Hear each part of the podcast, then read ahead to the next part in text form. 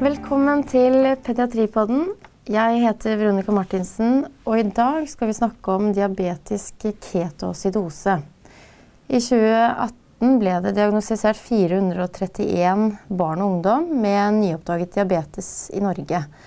Og diabetisk ketoacidose er en veldig alvorlig tilstand. Og symptomene på både nyoppdaget diabetes og diabetisk ketoacidose må gjenkjennes raskest mulig, slik at behandling kan igangsettes. I dag er vi heldige å få besøk av um, diabetesekspert og overlege Lars Krogvold. Velkommen. Tusen takk. Vil du fortelle litt om din uh, medisinske bakgrunn? Veldig gjerne. ja, jeg heter Lars Krogvold og er altså overlege på barneavdelingen på OS da, Ullevål og jobber i endokrinologisk seksjon. Mm. Så 50% av tida mi bruker jeg på den kliniske jobben, og så har jeg 50% forskning på siden, da. Mm. Hvor jeg forsker på diabetes. Mm. Da er det jo kjempebra at vi har fått besøk av deg. Utrolig fint. Så eh, tenkte vi skulle spinne litt rundt en veldig lærerik case eh, mm. som illustrerer mye av problemstillingene. Eh, det var også en 15 år gammel eh, jente som var på fotballcup. Eh, hun hatt, hadde hatt diabetes i syv år og brukte insulinpumpe med eh, kontinuerlig glukosemåling. Mm. og hun ble da lagt inn en onsdag formiddag.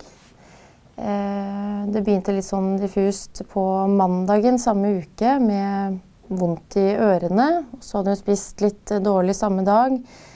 Eh, kastet opp, drukket litt Pepsi Max, som kanskje drukket litt dårligere enn normalt.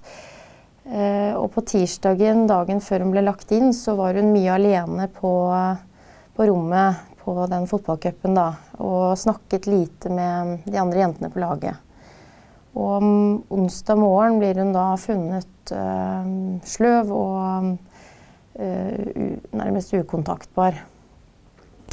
Um, vi kan jo, for å gå tilbake til, eller litt vekk fra casen, da, men hva er uh, egentlig diabetisk ketoacidose? Syreforgiftning? Ja, det er jo en ting som kan oppstå for eh, alle som får eh, enten nyoppdaga diabetes eller som har kjent diabetes. Og det er jo en frykta komplikasjon til sykdommen. Mm. Uh, vi har jo faktisk erfart i Norge nå at en økende andel av de med nyoppdaga diabetes debuterer med syreforgiftning som er veldig uheldig. Og vi skjønner ikke egentlig helt hvorfor det er slik. 28% av de 431 du nevnte i 2018 med nyoppdaga diabetes, hadde syreforgiftning ved debut. Mot 24% året før og 20% året før der igjen. Og Norge ligger høyere enn både Sverige og Danmark med debut, uh, ved at de har syreforgiftning ved debut. Og Definisjonen av syreforgiftning er jo som sikkert alle vet, at man er sur da, med pH under 7,30, og så skal man jo ha forhøya blodsukker over 11. Men det er viktig å huske at det er ikke nødvendigvis sånn at man har så veldig høyt blodsukker. Det er ikke da man nødvendigvis setter rekord. Det er jo insulinmangel og ikke glukoseoverskudd som er problemet ved syreforgiftning. Mm. Kan man ha uh, syreforgiftning med normalt blodsukker, altså glukose under 11? Det fins noe som heter man kaller euglykemisk syreforgiftning. og Man kan jo tenke seg at det kan oppstå hos barn og ungdom med spesielt kosthold, som spiser veldig karbohydratfattig kost. Eh, ramadan og faste har jo også vært nevnt som en sånn mulighet for å gi det. Men jeg tror man kan stå seg veldig godt ved å tenke at syreforgiftning, blodsukker over 11, pH under 7,30 og ketoner, da. Og de kan du jo måle i gamle dager, som ikke er så fryktelig lenge siden, så gjorde man det med urinstiks og fant ketonlegemer i urinen. Nå vil jo de fleste, altså alle sykehusmottak og veldig mange pasienter kunne måle ketoner i fingeren kapillært. Beta-hydroxybutyrat, som da er over 3,0. Nettopp. Da får man svar på den umiddelbart. Da får man svar på umiddelbart. Når bør man mistenke diabetisk ketoacidose da, hvis man ser litt på hun, denne 15-åringen som hadde litt sånn diffuse symptomer eh, to dager i forkant. Mm. Jeg synes Det er et veldig viktig spørsmål, Veronica. og det er klart at uh, Man Svaret er egentlig at man bør mistenke syreforgiftning hos alle med kjent diabetes som ringer og kontakter sykehusavdeling og sier at nå er ikke jeg eller barnet mitt i form. Så bør den som snakker med det, familien tenke kan det være syreforgiftning og insulinmangel. Sjøl om det er omgangssyke i klassen, sjøl om det er vondt i øra og mulig at man har ørebetennelse.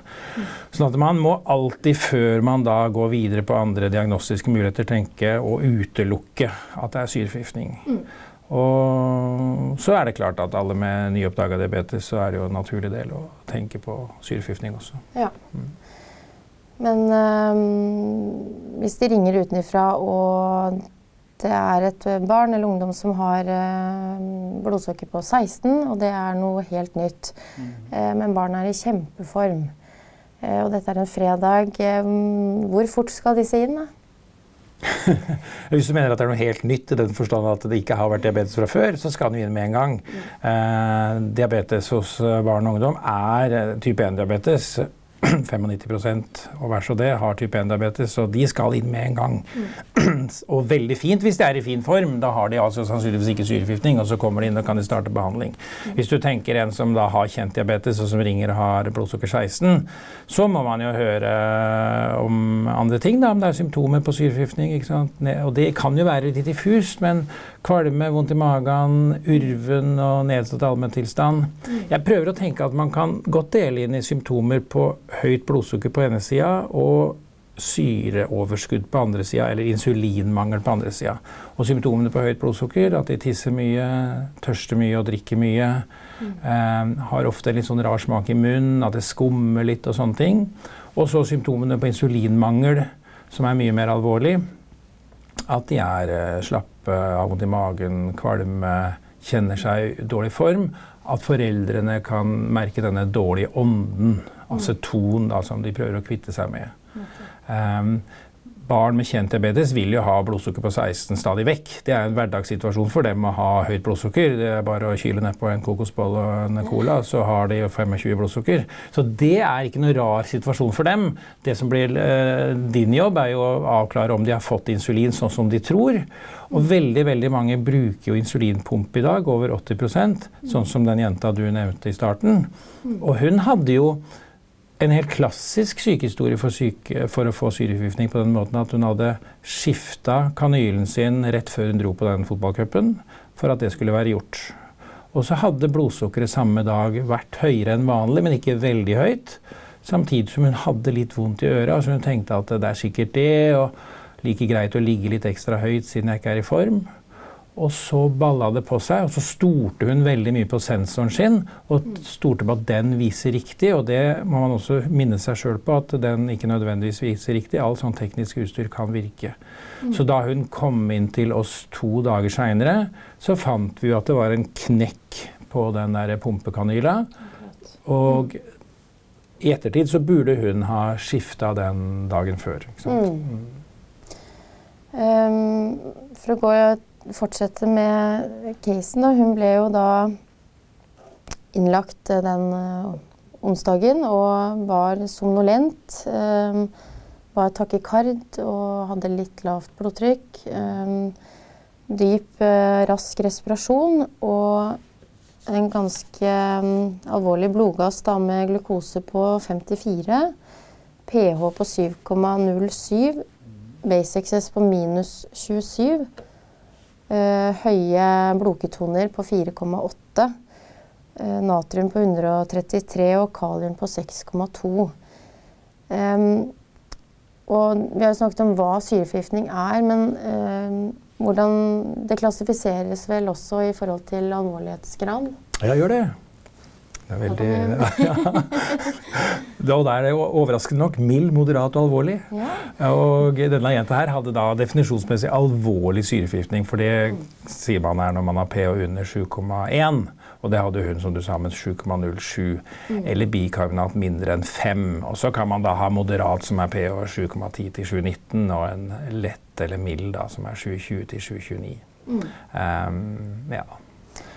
Og hva var det aller første man må gjøre hvis man står der og tenker å nei, nå må jeg sjekke veilederen og fram med telefonen og hva må man gjøre Det aller første man gjør, er å sjekke veilederen. Ja, veldig, og Det tror jeg er veldig lurt tips. å alltid sjekke veilederen. Altså, Selv om syreforgiftning på én måte er vanlig, så er det jo sjelden nå. Sant? Det er jo klart at uh, 28% av 400, det er ca. 100 stykker i året. Eh, sånn at for den enkelte lege så vil det jo oppleves som sjelden og noe man ikke har gjort på en stund. Sånn at eh, hvis man er heldig og får meldt pasienten eh, mer enn 30 sekunder før han står i døra, så er jo et gammelt sjakktrekk å sjekke veilederen mens pasienten er på vei inn, så man mentalt er litt forberedt på hva man skal gjøre. Og den eh, akuttveilederen, kapittelet på syreforgiftning, er oppdatert i 2018 og, og er til å stole på. Mm. Den, det, det, den prosedyra virker. Det Men det man tenker på når pasienten da er i hus, er jo uh, denne pasienten trenger to ting. Trenger væske og insulin. Mm. Uh, og i den rekkefølgen. Væske først, og etter hvert insulin. Mm. Så da er det jo viktigst å få inn tilganger mm. og starte med væske, som du sier. Ja. Um, og da må man få inn tilganger og starte med rehydrering. Eh, kan bruke vanlig natriumklorid eller plasmalyte, avhengig av hva som er um, tradisjonen hos dere. Mm. Og så skal man da gi et, godt gi et væskestøt over to timer, vanlig 10 ml per kilo over en time eller to, mens man beregner væskebehovet. Og der er det en annen sånn klassisk man kan gjøre en klassisk feil i at man overvurderer dehydreringen. De her har jo gått ned mye vekt fordi de har måttet tære på proteiner og muskler pga. syreforgiftningen for å skaffe seg energi. sånn at hvis man bare baserer seg på vekttapet, som man kan gjøre på enkel dehydrering, så vil man her sannsynligvis gi dem for mye væske og overestimere væsketapet. Det er veldig sjelden at sjøl med en alvorlig syreforgiftning at de er mer enn 10% dehydrert, og man står seg nok på å legge seg et eller annet sted mellom 5 og 10% Og er man i tvil, så er det like greit å ta litt mindre enn å ta litt mer. Det kan bli veldig, veldig mye væske.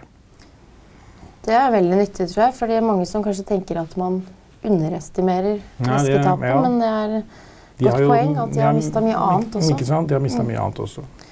Og, men hvorfor kan man ikke gi insulin uh, med én gang, da, sånn som man gjør med mild ketoacidose? Eller um, ja, man gjør kanskje det med mild ketose. Ved, ved, ved nyoppdaga diabetes så kan man jo starte med insulin med en gang hvis man vil. Det er jo lurt å vente til neste måltid og så starte da. Her så vil jo blodsukkeret falle veldig fort bare av eh, å begynne med væske.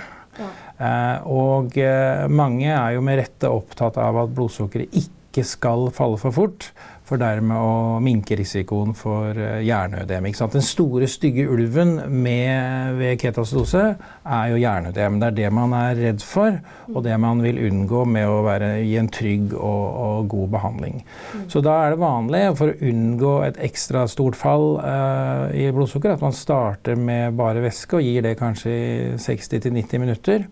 Og da vil man oppleve et veldig stort fall, sånn som den jenta her som hadde 54 i blodsukker. Datt jo som en stein de første 90 minuttene. Og det skal man ikke være redd for. Nei. Sånn er det, og det er ikke farlig, og det øker ikke risikoen for, eh, for hjernedem. Så når du står der i mottak og opplever det, så må du ikke tenke det, For det går bra. Men så, etter 90 minutter, så starter man da med det som jo er det den pasienten mangler, mm. og det er insulin. Og det må man huske under hele forløpet, at det er insulin som pasienten mangler. For du kan jo da komme til å oppleve at du begynner med insulin, og så blir det for lavt eller for raskt fallende blodsukker. Og da kan ryggmargsrefleksen være å slutte å gi insulin. Mm. Men da må man bare minne seg sjøl om at det, det, er jo mangel på insulin som har gjort at pasienten har kommet til oss. Så slutte å gi den medisinen han mangler, er jo, når man tenker sånn, helt ulogisk. Mm. Så da er jo heller løsningen å gi glukose da, for å kompensere for det. Nettopp. Hvis man gir da mindre insulin, så vil jo syra, syreforgiftningen opprettholdes. Ikke sant? Veldig bra. Ja. Um, og da, når man begynner med insulin uh, Det er jo mye andre ting som gjerne faller uh, sammen med at glukosen faller og man gir væske. Ja. Noe faller, og noe stiger. Eh, ikke sant? Sånn er det jo her i livet. Noe går opp, noe går ned. Nei da. Eh, så da begynner du med insulin, og da står det Alt dette her står jo veldig, veldig godt i uh, veilederkapitlet, men man har jo 0,1 enhet per kilo per døgn til de som er over fem år, og de aller yngste kan man gi 0,05 enhet mm. per kilo per døgn. Og så regner man ut hvor mye det blir, og lager et separat drypp hvor du får en konsentrasjon på én en enhet per milliliter, som er lett å ha en egen tilgang, som du kan drive og sjonglere med uavhengig av de andre væskene. Mm.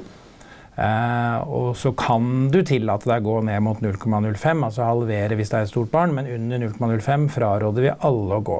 Okay. Eh, så da vil du ta ferdig det med insulin først. Når, insulin kom, nei, når blodsukkeret kommer ned mot sånn ca. 15, og du opplever at det fortsatt faller, så er det anbefalt å gi glukose ved siden av. Enten 5% eller 10 glukose i et annet drypp som du kan kompensere for.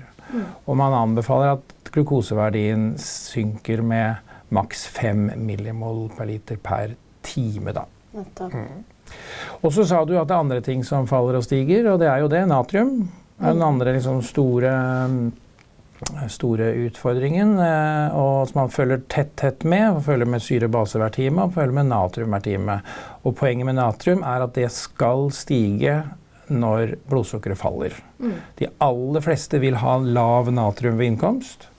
Og så begynner du å gi eh, glukose og, Nei, begynner å gi eh, natriumklorid og insulin, og så skal da natrium stige. Mm. Og, og hvis, manglende stigning i natrium er ikke bra. Nei, hva skal Nei, man Det er jo vist i undersøkelser at det er en risikofaktor for hjernedem. En av disse, ja. liksom, Hvem får hjernedem? Vi kan komme tilbake til det seinere. Men, men, manglende stigning i natrium det er regna som en risikofaktor. Så da må du øke natriumtilskuddet, da. Ja, mm. nettopp. Mm. Um, hvilke Hvis jeg sier de, eh, denne pasienten hadde jo kjent diabetes. Eh, hvilke pasienter med kjent diabetes fra før har eh, økt risiko for å få syreforgiftning? Ja, Godt spørsmål. Um, Prinsipielt så kan jo alle med kjent diabetes få syreforgiftning.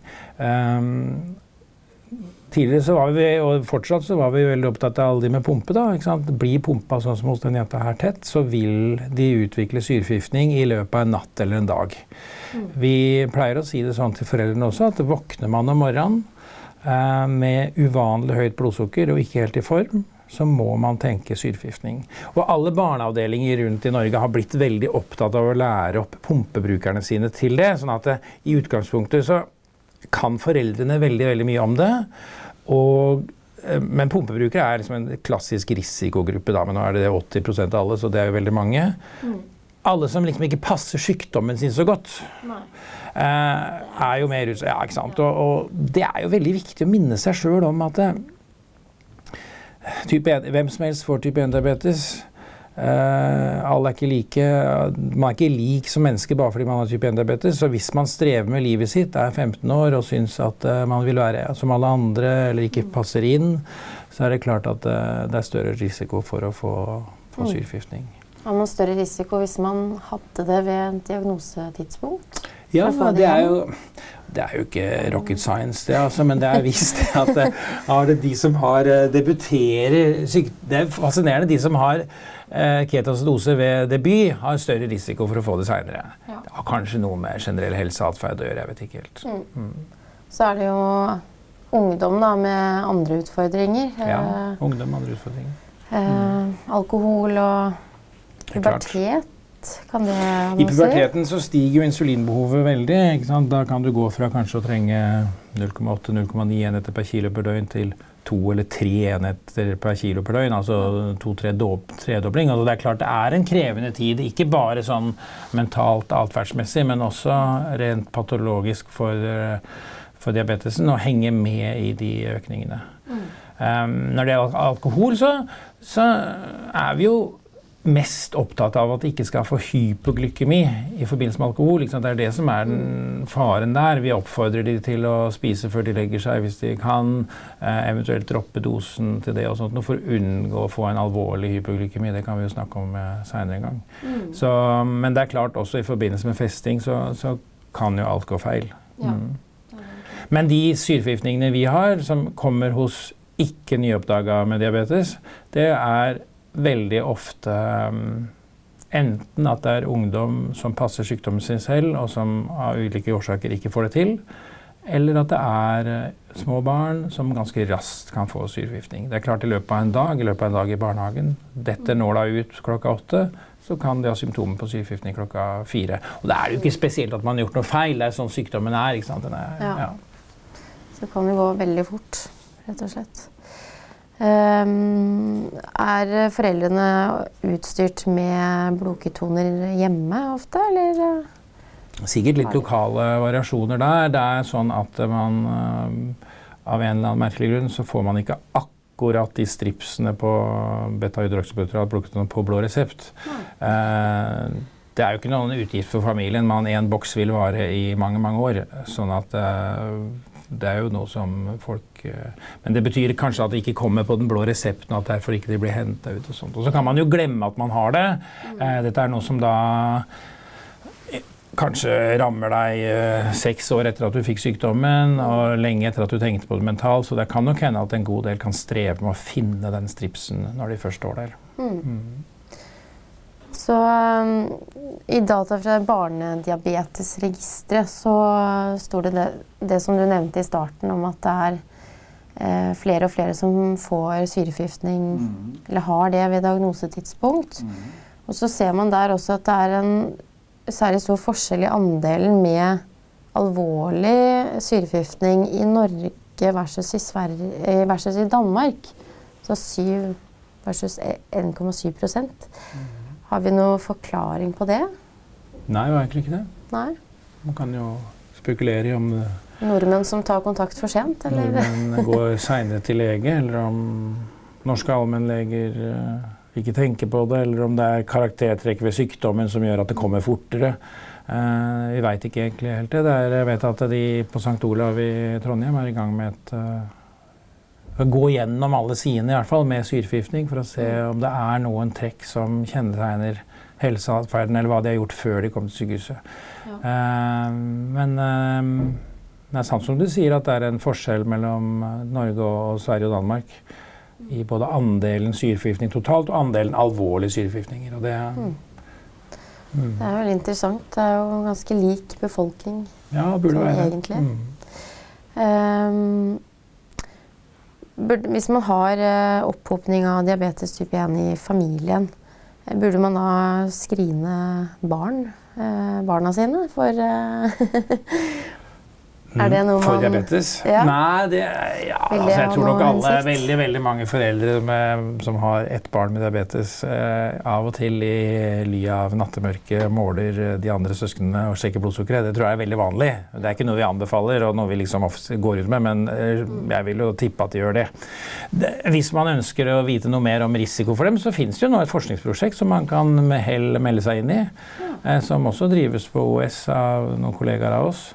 Eh, hvor, som søker førstegradsslektninger med prediabetes, altså autoantistoffpositive. Okay. Så hvis man er mellom 5 og 40 år og uh, har en førstegradsslektning med type 1-diabetes, så kan man med hell kontakte dem uh, for å da um, sjekke om de har autoantistoffer. Mm. Så kan man bli med på et, eventuelt få en forebyggende behandling hvis man etter hvert utvikler det. Mm. Uh, og disse autoantistoffene, er det hast å ta det ved innkomst? Nei, nei. Eh, nei. Det kan man ta ro og mak etter hvert? Det trenger de ikke tenke på. Men vi, tilbake til den ketoacidosen, mm. så var det jo natriumen som skulle stige. Og så er det jo flere ting man skal uh, følge med på. Ja. Uh, kalium. Kalium er viktig. Kalium er viktig.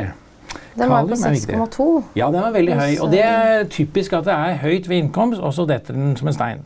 Fordi de har jo alltid et kaliummangel, men akkurat ved innkomst pga. den store acidosen og joneskiftet og sånt, så har man en høyt nivå av sirkulerende kalium. Men så forsvinner jo de kaliumionene inn i cellene så fort du starter behandling.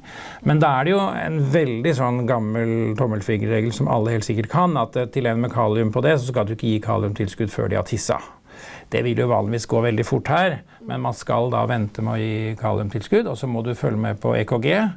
Eh, og se på at det ikke er noen EKG-forandringer, og eventuelt diskutere det med kardiolog hvis du har en kalium over 6,5. Okay. vil jeg tenke. Mm.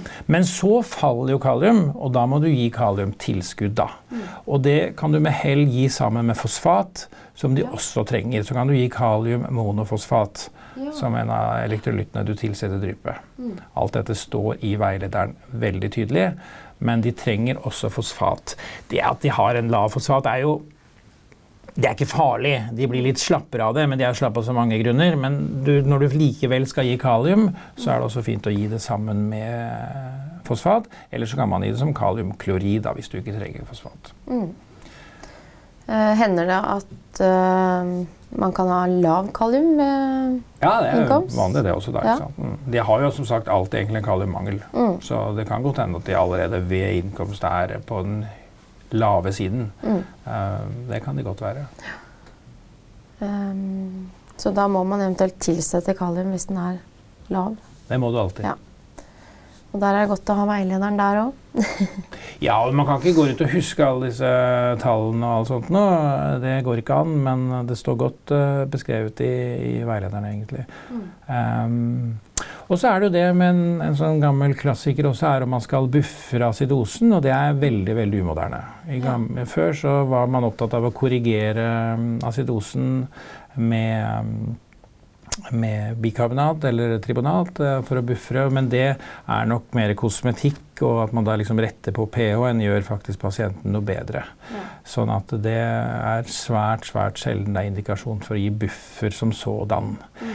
Eh, det, tilbake til denne store, stygge ulven som er hjernedem, så er, jo, er, det også viktig å huske at det er veldig sjelden.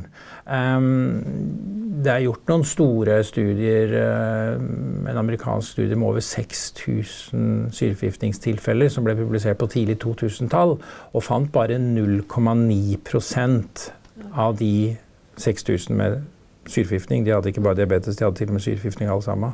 0,9% så altså ca. 1 da, av de med ketoacidose. Men det er klart at eh, det er, kan man jo si er 1 for mange. Mm. Eh, og det man også erfarte i de, det arbeidet der, var at eh, det nesten alltid kommer syreforgiftningen de første 12-13 timene hvis det kommer. Så det er det å komme seg liksom gjennom den første halve døgnet, første natta, så er risikoen veldig veldig liten. Men jeg tror alle som holder på og styrer med en pasient med ketosdose, mentalt skal være forberedt på hva man skal gjøre hvis det tilkommer uh, symptomer på hjernedem. Mm. Følge med på Glasgow Coma Scale, følge med på, på de parametrene man har, på blodtrykk og puls. Og hvis det da er noe som tyder på at det her er en hjernedemutvikling, ikke nøle med å gi Og fortsatt er det manitol ja. som anbefales som første behandling eh, eh, for oss, da. Det er viktigere å gi manitol enn å bestille MR. Ja, mm. ja Men det må man inne seg sjøl om på, for det blir veldig sånn der Herregud, er det, jeg vet ikke, er det hjernedem, er det ikke hjernedem? Og så skal man ringe og bestille MR, og så tar det bare et kvarter, og det, ja, det kan vi vente. Mm. Det skal vi ikke vente. Nei. Nei. Og det er vel ikke alle sykehus som har en akutt MR-funksjon heller, kanskje? Sikkert ikke. Så, um, og, men når man gir både natriumklorid og noen gir kanskje kaliumklorid, og man får mye klor, er, kan det være farlig? Man kan jo få da, i forløpet av dette her, en hyperkloremisk acidose. Ja. Så det er jo ikke farlig, men det er en konsekvens av behandlingen. Eh, og som gjør at acidosen kan bli stående egentlig lengre enn man eh, tror. Og man tenker at behandlingen man har gitt med insulin ikke har funka fordi man fortsetter å være acidotisk. Da er det lurt å tenke på akkurat det du sier der. Og kan det være hyperkloremisk acidose? Regne på eh, klor og anion gap og de tingene der. Og så kan man er det et veldig godt råd å følge beta-hydroksybutyrat, altså disse ketonene kapillært bedside, fordi den vil jo da bli normalisert. Da er det ikke lenger ketoner, beta-hydroksybutyrat, som gjør at pasienten er sur, da er det den hyperkloremiske acidosen. For ellers så kan man begynne å lure har jeg gitt nok insulin, skal jeg gi enda mer og sånt. Mm. Hvis du da ser at beta-hydroksybutyrat faller og normaliseres, og normalt er altså under 3,0 så kan du tenke at ja, men da er dette her noe annet. Mm. Det er også viktig å huske at ved syreforgiftning så har du den syrekomponenten som kommer fra ketonlegemene, men så har du også en laktacidose, fordi du kan være veldig dårlig sirkulert, og det hoper seg opp melkesyre. og Det kan også være litt av grunnen til at når man da kommer i gang med behandlingen og får sirkulert pasienten bedre, at acidosen opprettholdes veldig de første timene, fordi man får frigjort en god del laktacidose, melkesyre, fra muskulaturen. Men da vil også ketonen, altså beta-hydroksybutiraten, falle som et tegn på at dette her går framover på den måten, selv om ikke den totale pH-en stiger ennå. Ja. Mm. Og øh, pasienten vår, hun øh, ble jo da lagt inn på intensivavdeling, som mm. de jo bør når det er så mye som skal følges med på. Mm. Um, og Ja, bør, ikke bare bør. Må. må det. Kan, du kan ikke ligge på vanlig sengepost med en sånn tilstand. Og de bør kanskje ha arteriekran også? Det kommer litt an på lokale ja, forhold? Det overlater jeg ofte til anestesilegen ja. eller intensivlegen. Altså. Mm. Jeg klarer ikke å legge inn det sjøl uansett. Nei. De, de, trenger det som skal til for å overvåke det man vil overvåke. Sånn. Man vil følge med på glukosen, man vil følge med på syrenivået, man vil ta syre, base og natrium og kalium en gang i timen. Ja. Og det er klart at det er mye lettere å gjøre med en sentral tilgang. Eh, om det da er en arteriekran eller en CVK eller hva man tar det fra, det får jo være opp til. Når kan man gå over til eh, pumpe igjen, da? Ja, Når acidosen er hevet, da, så ja. kan man jo gå over til å gi insulin på den gamle måten, om det da er pumpe eller penn. Og da er det å reetablere pumpa, da, legge inn ny kanyle og starte pumpa. Og så er det lurt å ha et overlapp, da, fordi halveringstiden av insulin intravenøst er veldig veldig kort, bare noen få minutter.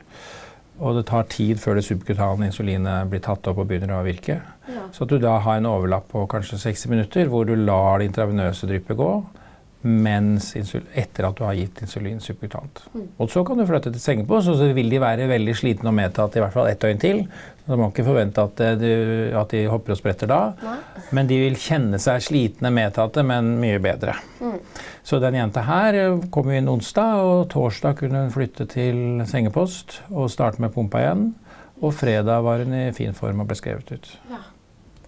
Det er uh, store kontraster ja, og hun lærte jo, hun og familien lærte jo de tingene som man lærer av sånt. Da, at, eh, at, selv om man har vondt i øret og ikke har så veldig høyt blodsukker, så må man skifte kanyle når man eh, ikke er i form.